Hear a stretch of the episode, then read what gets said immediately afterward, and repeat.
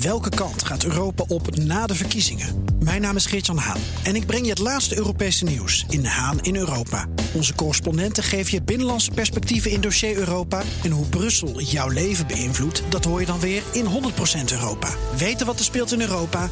Luister naar de programma's van BNR. De lobbyclub van palmoliebedrijven zet fabrikanten onder druk om de melding palmolievrij van hun producten te verwijderen. Als de ministers de aanbestedingsregels hadden gevolgd, waren misschien onze vakantietesten wel een stuk goedkoper. En dat gesjoemel met de toegangstesten dit weekend, dat ligt volgens de burgemeesters bij de ondernemers. Dit is Nieuwsroom, de dagelijkse podcast van het Financiële Dagblad en BNR Nieuwsradio... met het nieuws verteld door de journalisten zelf. Ik ben Paulien Schuster en het is vandaag dinsdag 29 juli. Welkom terug, Jan Braaksma in de podcast. Uh, we gaan het hebben over vakantietesten. Uh, de coronatesten die we allemaal kunnen doen om uh, in juli en augustus op vakantie te gaan. hoeveel hebben we daar nou aan uitgegeven, de overheid? Nou, ze hebben er bijna 250 miljoen voor gereserveerd. Of dat daadwerkelijk ook allemaal wordt uitgegeven, hangt er vanaf hoeveel mensen zich laten testen. Ja. Uh, want ze gaan er vanuit dat ongeveer 3,5 miljoen tests gaan worden afgenomen. Maar ja, goed. Het is een beetje lastig inschatten met uh, landen die op oranje staan of niet. Um, ja, als je gevaccineerd bent, hoef je ook niet meer. Uh, hoef, hoef je niet meer getest te worden. Um, tenminste, als je, als je twee prikken ja. hebt, hebt gehad. En er, ja. precies. dus het is een beetje koffiedik kijken, maar nou ja, maximaal 250 miljoen uh, is, wel, is, is al. Ja. En uh, jij dacht, ik ga eens kijken of dat prijskaartje niet wat lager had gekund. ja, nou ja. Er stond één uh, zinnetje in waar ik eigenlijk op. Uh, dat was eigenlijk, eigenlijk was de, de, de, of het goedkoper kon, was bijvangst. Gek genoeg. Maar dat werd eigenlijk de hoofdmoot van het verhaal. Het begon ermee dat in die brief de, die uh, uh, ministers van infrastructuur en, uh, en volksgezondheid hebben verstuurd hierover. Mm -hmm. stond een zinnetje in, namelijk dat zij uh, mogelijk onrechtmatig een stichting hebben ingehuurd, maar dat toch hebben gedaan. Toen dacht ik, hé, hey, dat is gek. Ja. Als de ministers zelf al toegeven dat het mogelijk onrechtmatig is, dan nou, moet ik eens wat mensen bellen die daar meer verstand van hebben dan ik. Dus toen kwam ik in een, in een wereld vol ja, aanbestedingsjuristen terecht. En, en, en die zeiden, ja, er is wel wat meer op die, uh, erop aan te merken. Op de manier waarop dit allemaal georganiseerd is. En de manier waarop uh, dit beprijsd is. En ze hadden ook een andere route kunnen kiezen. En toen werd eigenlijk, uh, dat bleek eigenlijk veel leuker dan mijn, dan mijn eerste idee. Want dat is meer een, een wat taaier juridisch dingetje. Ja, want wat is er dan, hoe had het goedkoper gekund? Want misschien moeten we het dan even hebben over hoe hebben ze het nu aanbesteed? Hoe hebben ze het geregeld en uitgerekend dat het die 250 uh, miljoen bijna wordt? Ja, ze hebben een, uh, een, uh, een procedure gestart waarop iedereen zich kan inschrijven die aan een aantal eisen voldoet. Dus je moet bijvoorbeeld afgelopen jaar een, een aantal tests hebben, hebben uitgevoerd, een minimum aantal, zodat je, mm -hmm. nou, daarmee filteren ze eigenlijk de, de echte cowboys er, eruit. Je moet er allerlei andere eisen kunnen voldoen. Um, en uh, er, er staat in, iedereen kan zich hierop inschrijven. Dit zijn de uh, bedragen die wij uh, jullie willen uh, betalen in ruil voor die test. Dus dat is uit mijn hoofd rond de 60 euro voor een, een PCR-test en iets minder dan 20 euro voor zo'n antigeentest. En iedereen die aan die voorwaarden voldoet uh, en uh, dat bedrag aantrekkelijk genoeg vindt om een, een testlocatie op te zetten, die mag zich daarop op inschrijven. Dat is, dat is het systeem zoals het nu geregeld is. En die uh, stichting waar jij het over had, uh, die heeft dan ook nog een soort adviesrol om te kiezen welke bedrijven dan uiteindelijk die testen mogen gaan uitvoeren. Ja, want die hebben het, het testen, dat is die stichting Open Nederland van, van Tom Middendorp, de voormalige commandant der strijdkrachten. Die uh, uh, hebben uh, die field labs uh, hebben ze bij geholpen. Mm -hmm. En ook dat testen voor toegang hebben zij een, een soort coördinerende rol spelen zij daarin. dus die zijn nu weer ingehuurd om te adviseren van, van ken je waarschijnlijk iets, iets in de categorie van kennen jullie deze, deze partijen? Hebben ze eerder bij jullie aangeklopt? hoe doen ze het nu eigenlijk? Dat soort vragen kunnen zij natuurlijk beantwoorden en dat weet het ministerie zelf niet. Nee. En wat ik me dan afvraag, want als er een uh, vaste prijs is en je kan je gewoon melden, hoe wordt dan uiteindelijk geselecteerd? Weten we of er heel veel aanbod was en er een paar uitgehaald zijn, of dat er maar net genoeg is? Hebben, we daar enig zicht op? Nee, dat weten we niet. Uh, dat, is, dat is nog allemaal onduidelijk. Um, we, weten wel dat, we weten wel dat er in ieder geval wel, wel een aantal uh, partijen zich erop hebben ingeschreven. En dat ook, ook daar wel, wel um, bedrijf, testbedrijven tussen zitten die een, een serieus aantal testlocaties willen opzetten. We, hebben gehoord dat er eentje is die geloof ik rond de 200 locaties wil gaan opzetten. Dus dat mm -hmm. betekent wel dat er nou, in die zin best wel veel, uh, veel animo voor is. Maar uh, ergens deze week, ik, ik, we, hadden gehoord, gisteren zouden ze moeten horen wie uh, er geselecteerd zijn. Maar toen ik gisteravond, of, of gisteren einde middag daar een beetje over aan het rondbellen was, samen met mijn collega Maarten van Pol, kwam er echt nog maar weinig respons boven. En toen bleek het allemaal nog een beetje onduidelijk. En ook bij het ministerie zeiden ze, ja, we zitten in een afrondende fase. Maar wie er het zijn geworden en, en hoeveel partijen uiteindelijk er met deze opdracht vandoor zijn gegaan, dat weten we nog niet. Terwijl het is toch echt bijna juli.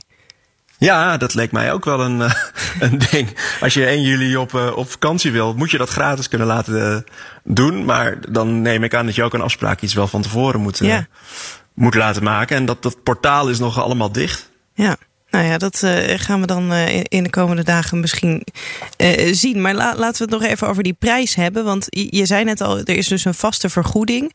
wat ja. hoger voor de PCR-test dan voor de antigeen-test. En, en daar ligt volgens mij ook het probleem, hè, dat ze die vaste prijs hebben gekozen. Ja, toen, toen de, uh, de, de, de hoogleraren aanbestedingsrecht die ik hierover heb gesproken, die zeiden allemaal er in een normale aanbesteding. Dus als jij als overheid een, een opdracht uitschrijft, bijvoorbeeld om een brug te laten bouwen, dan zet je zo'n opdracht online en dan uh, schrijven allerlei bouwbedrijven zich daarop in.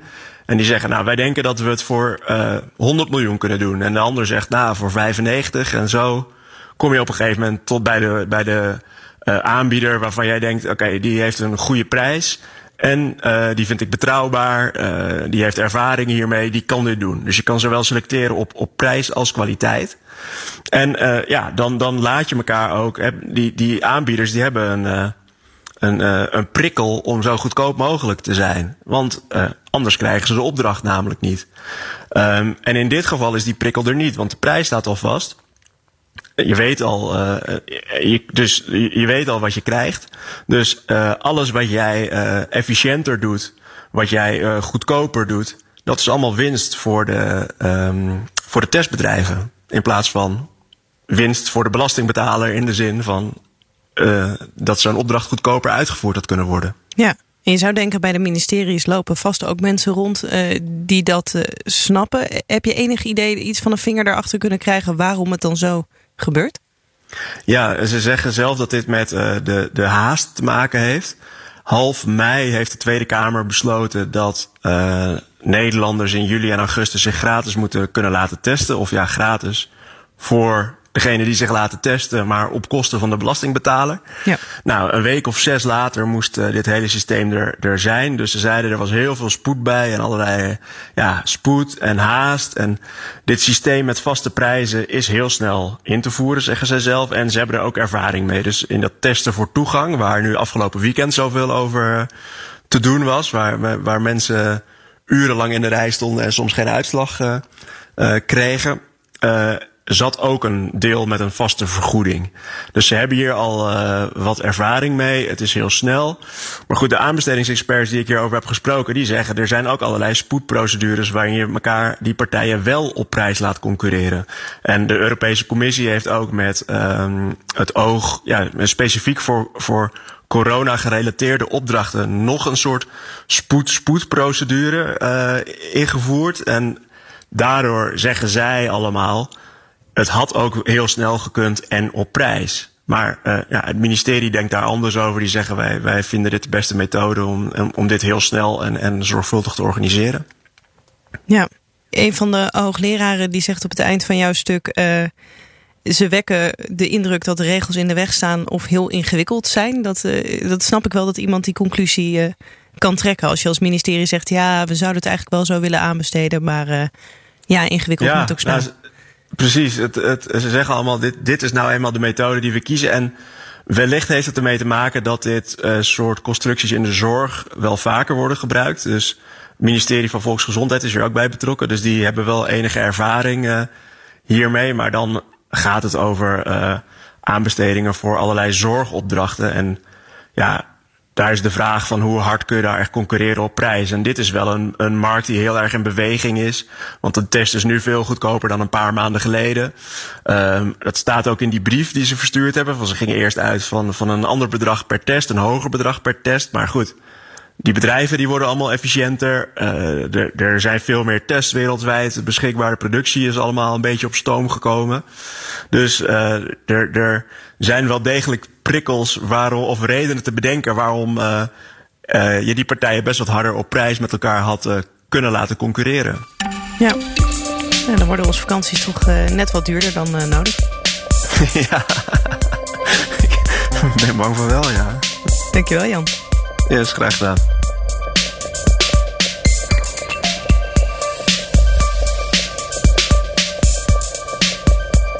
Hallo.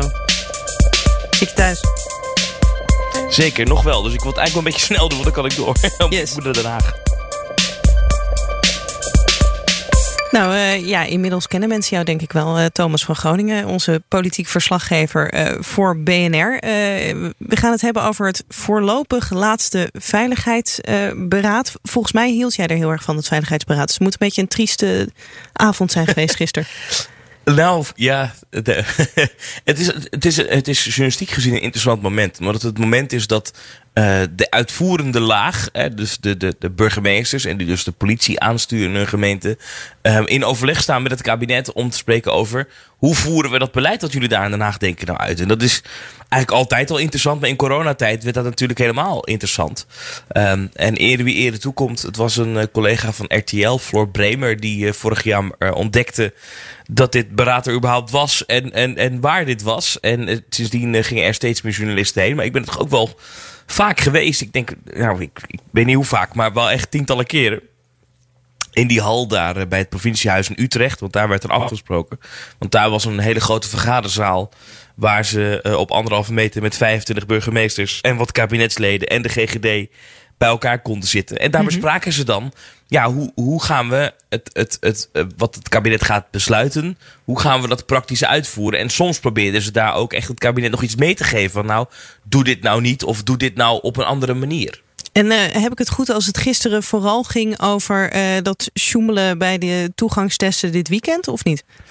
Nou, formeel ging de agenda, als ik het goed begrijp, vooral over hoe gaan we de zomer doorkomen. En wat doen we als nou er toch een uitbraak blijkt. Ja. Maar ze hebben ook afgelopen weekend natuurlijk geëvalueerd. Uh, het eerste weekend van de versoepelingen.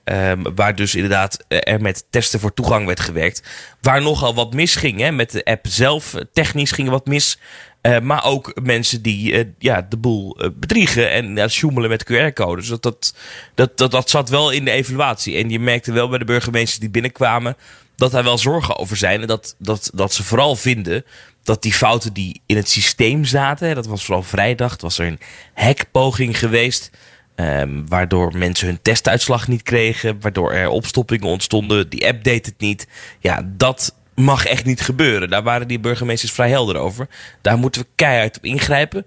Maar dat sjoemelen, dat, dat, dat, dat dit misbruik, ja, daarvan letterlijk citaat is, ja, misbruik hou je altijd. Dan moet je gewoon goed controleren. Ja, want dus eigenlijk uh, wat ze zeggen is, als er wordt gesjoemeld bij de toegangstesten, dus ik gebruik een QR-code van iemand anders of uh, een QR-code, een valse QR-code, wat dan ook, dan uh, ligt het aan de ondernemer of die het goed controleert. En daar uh, hoeven wij als politiek ons niet uh, mee bezig te houden. Ja, dat vond ik zelf wel opmerkelijk. Hè. Ze leggen daarbij echt de bal bij mensen die, uh, die inderdaad iets organiseren of een horecazaak hebben. Die zijn verantwoordelijk om te controleren of iedereen zich netjes aan de regels houdt. Dat is ook zo, dat is op zich logisch. Als jij een festival organiseert, moet jij kijken of mensen die een code hebben. Alleen, wat natuurlijk het punt is, is dat het, het systeem is, is redelijk makkelijk mee te sjoemelen. Um, je kan QR-codes doorgeven. Je kan, uh, uh, je kan daar best wel een heel circus omheen optuigen. En, en eigenlijk doorheen glippen. En de boodschap die gisteravond vanuit, het, vanuit die van de burgemeesters kwam is... daar moet de horeca moet daar echt op toezien. Moet echt beter controleren. Als ze dat niet doen, dan gaat je tent dicht. En wat ze ook zeiden, en dat is ook opmerkelijk, als er een uitbraak komt in een bepaalde zaak, dat is op zich logisch, dan moet die zaak dicht. Alleen de vraag is, kan die zaak daar iets aan doen als de regels zo zijn dat je ja, ook ongetest of in sommige gevallen zelfs onbeschermd, uh, dus zonder vaccin, toch uh, binnen kan komen. En, en die discussie, ja, die zal de komende tijd wel losbarsten als er ergens een uitbraak is en een horecaondernemer wordt aangekeken. Want als ik even vanuit uh, de burgemeesters denk, dan kan een horecaondernemer er toch in ieder geval voor zorgen dat alleen mensen met een goed testbewijs binnenkomen. Namelijk, dan controleer je de QR-code en uh, volgens mij de e-, eerste letters of zo. Ja, dus, dus je hebt inderdaad die app. Um, en je moet op een aantal dingen letten. Dus je moet hem scannen.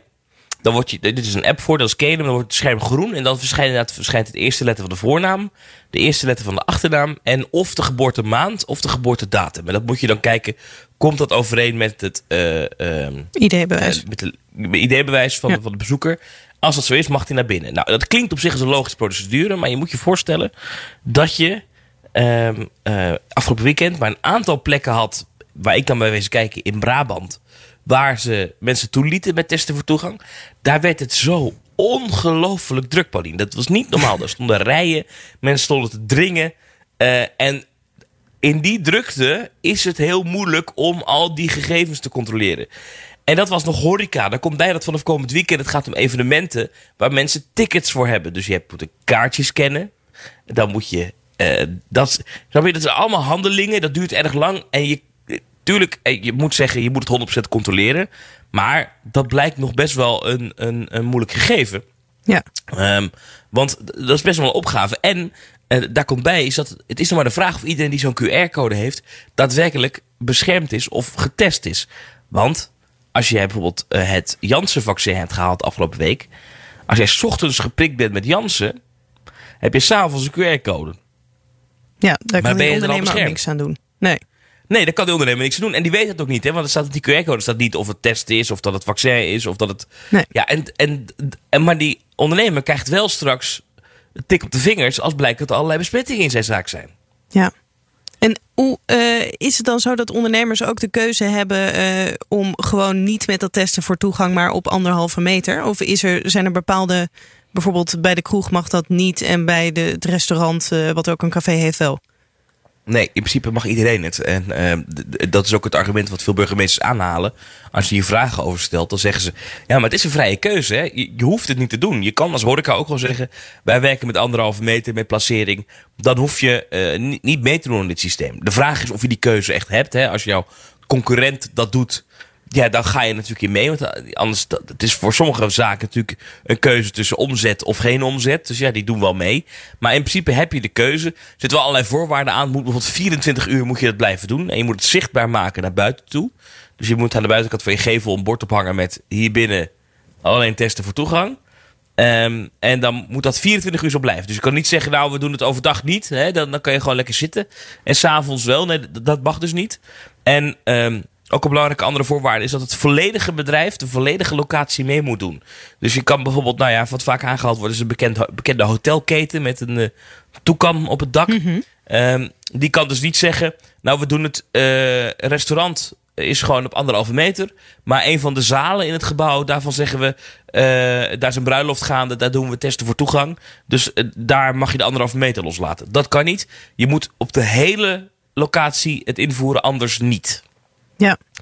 En dat is ook nog een strijd voor een aantal horecaondernemers die ik erover sprak. Bijvoorbeeld vooral de horecaondernemers die een terras buiten hebben. Die zeiden, ja, dan moet ik overdag mijn terras sluiten. Omdat ik s'avonds binnen een feestje wil houden.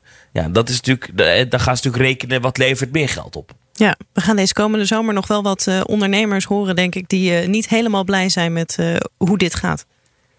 Nee, dat denk ik ook niet. En, en ik denk dat politiek ook nog wel een discussie gaat zijn. Het ministerie van VWS heeft 500 tot 700 miljoen euro gestopt in, dit, uh, in deze testinfrastructuur, waar ook deze app bij hoort. En dus die, die testen voor toegang.org, dat hele systeem. Ja, als dan blijkt dat het misschien toch niet goed werkt, of dat er toch allerlei problemen mee zijn. Um, ja, wat, wat, wat, gaat de Kamer daar dan van vinden?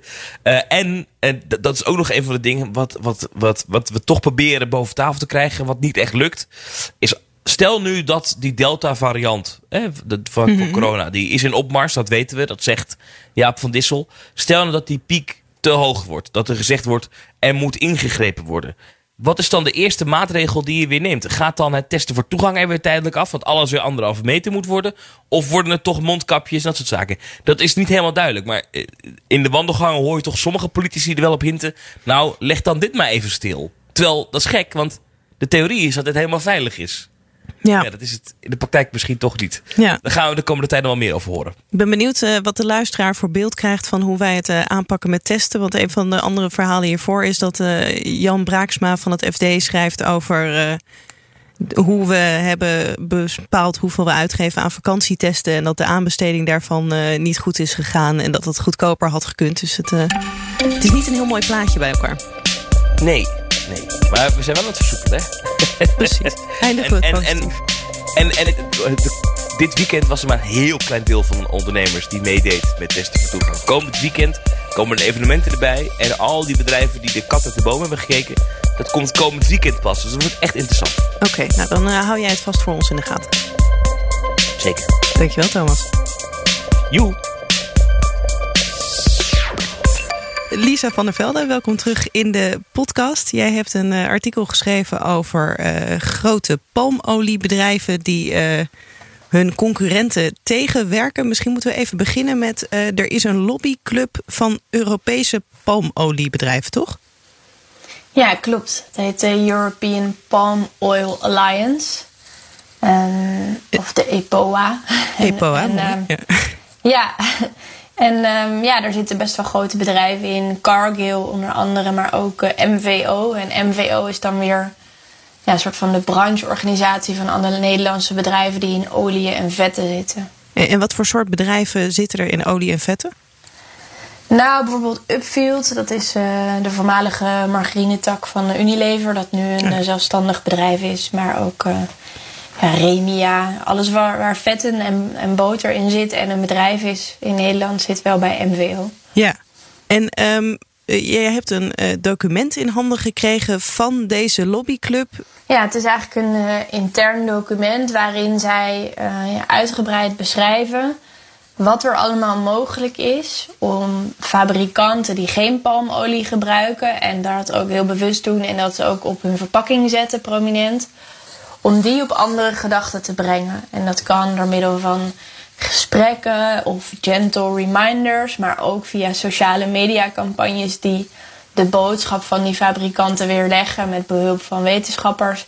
En eh, vooral eh saillant is dat er ook allerlei mogelijkheden voor juridische procedures in staan. Dus alle juridische gronden waarop je nou ja, deze fabrikanten zou kunnen tegenwerken, die eh, worden uitgebreid eh, uit de doeken gedaan. Waarom willen die bedrijven zo graag dat, eh, dat palmolievrije niet wordt geproduceerd of niet zo wordt geadverteerd, omdat, omdat zij wel palmolie gebruiken? Ja, zij gebruiken wel, wel palmolie, hebben daar ook enorm in geïnvesteerd. Het is echt een enorme business wereldwijd. Grote investeringen gedaan. En zij willen heel graag dat duurzame palmolie, ehm, dat dat eh, de oplossing wordt voor alle problemen met palmolie. En dat is op zich ook heel logisch dat je als branche graag een eigen alternatief aandraagt in plaats van een hele andere grondstof. Want ja, die, die eh, infrastructuur heb je al staan. Het enige probleem is dat duurzame palmolie een moeilijk begrip is. Ehm, er bestaat wel een certificaat daarvoor, maar daar is heel veel kritiek op. eh, omdat er nog steeds voor zou worden ontbost en omdat er nog steeds eh, problemen en misstanden zijn eh, op plantages.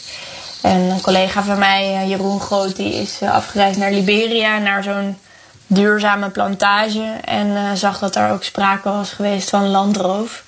Ehm, dus ja, het, het alternatief dat zij prediken en de reden waarom zij willen dat palmolie vrij van verpakkingen verdwijnt, is ook niet helemaal eh, zuiver. Wat ik niet snap is, wat, wat kan je daar nou tegen doen? Want als je een bedrijf, he- eh, als je inderdaad iets produceert waar gewoon geen palmolie in zit, dan is het toch gewoon palmolievrij en mag je dat daarmee adverteren?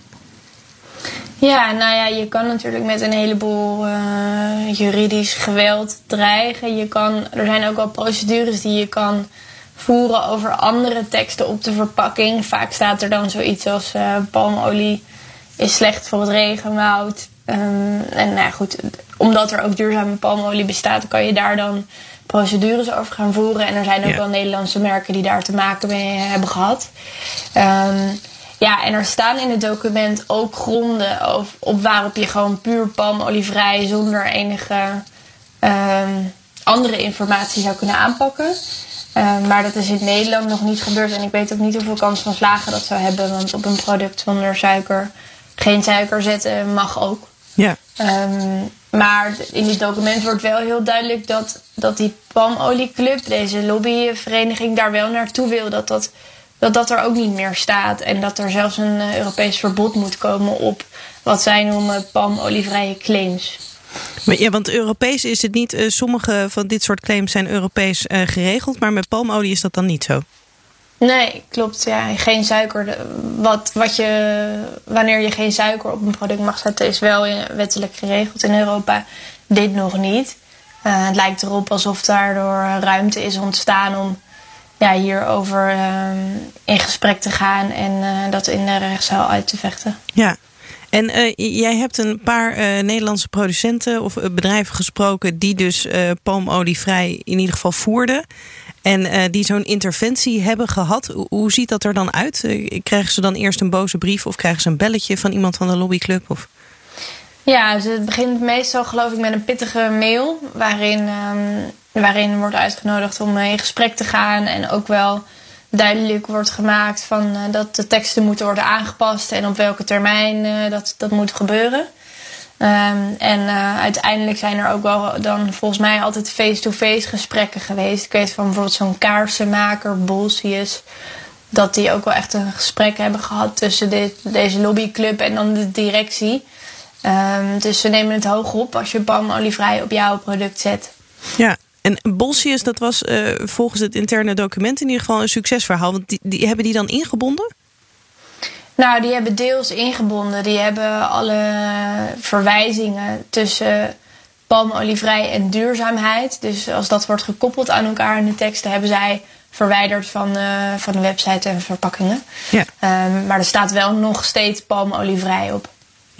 En, en uh, er, waren ook, er was een pindakaasmerk die, die, die zag er helemaal uh, niks in volgens mij om in te binden. Nee, die hadden misschien ook al een beetje geleerd van Flower Farm. Dat is een ander merk uh, dat veel gedoe heeft gehad met deze club.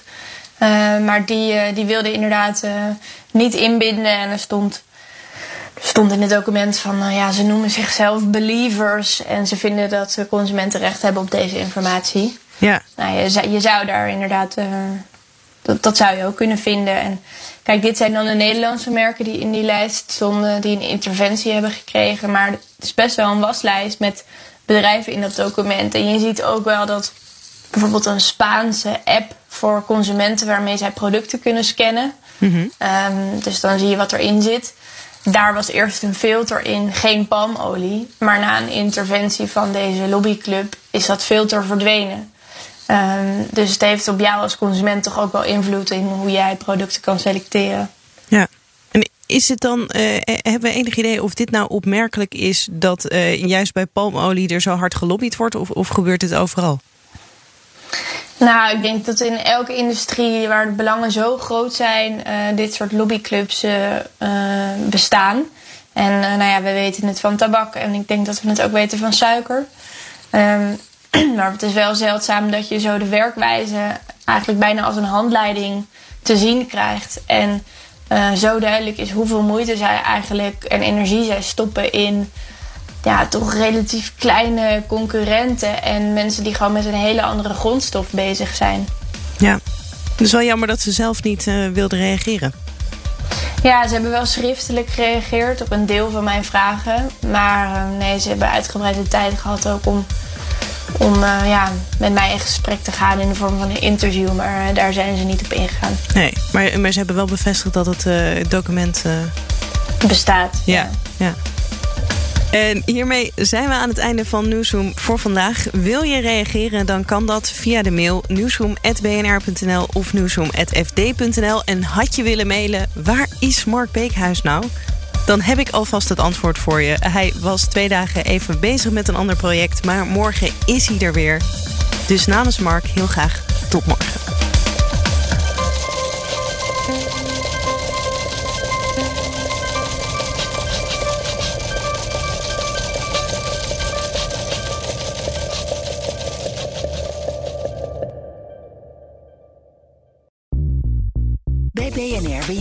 Als eerste op de hoogte van het laatste nieuws. Luister dagelijks live via internet. Bas van Werven. En heel langzaam komt de zon op rond dit tijdstip. Je krijgt inzicht in de dag die komt op BNR, het Binnenhof in Nederland en de rest van de wereld. De Ochtendspits. Voor de beste start van je werkdag. Blijf scherp en mis niets.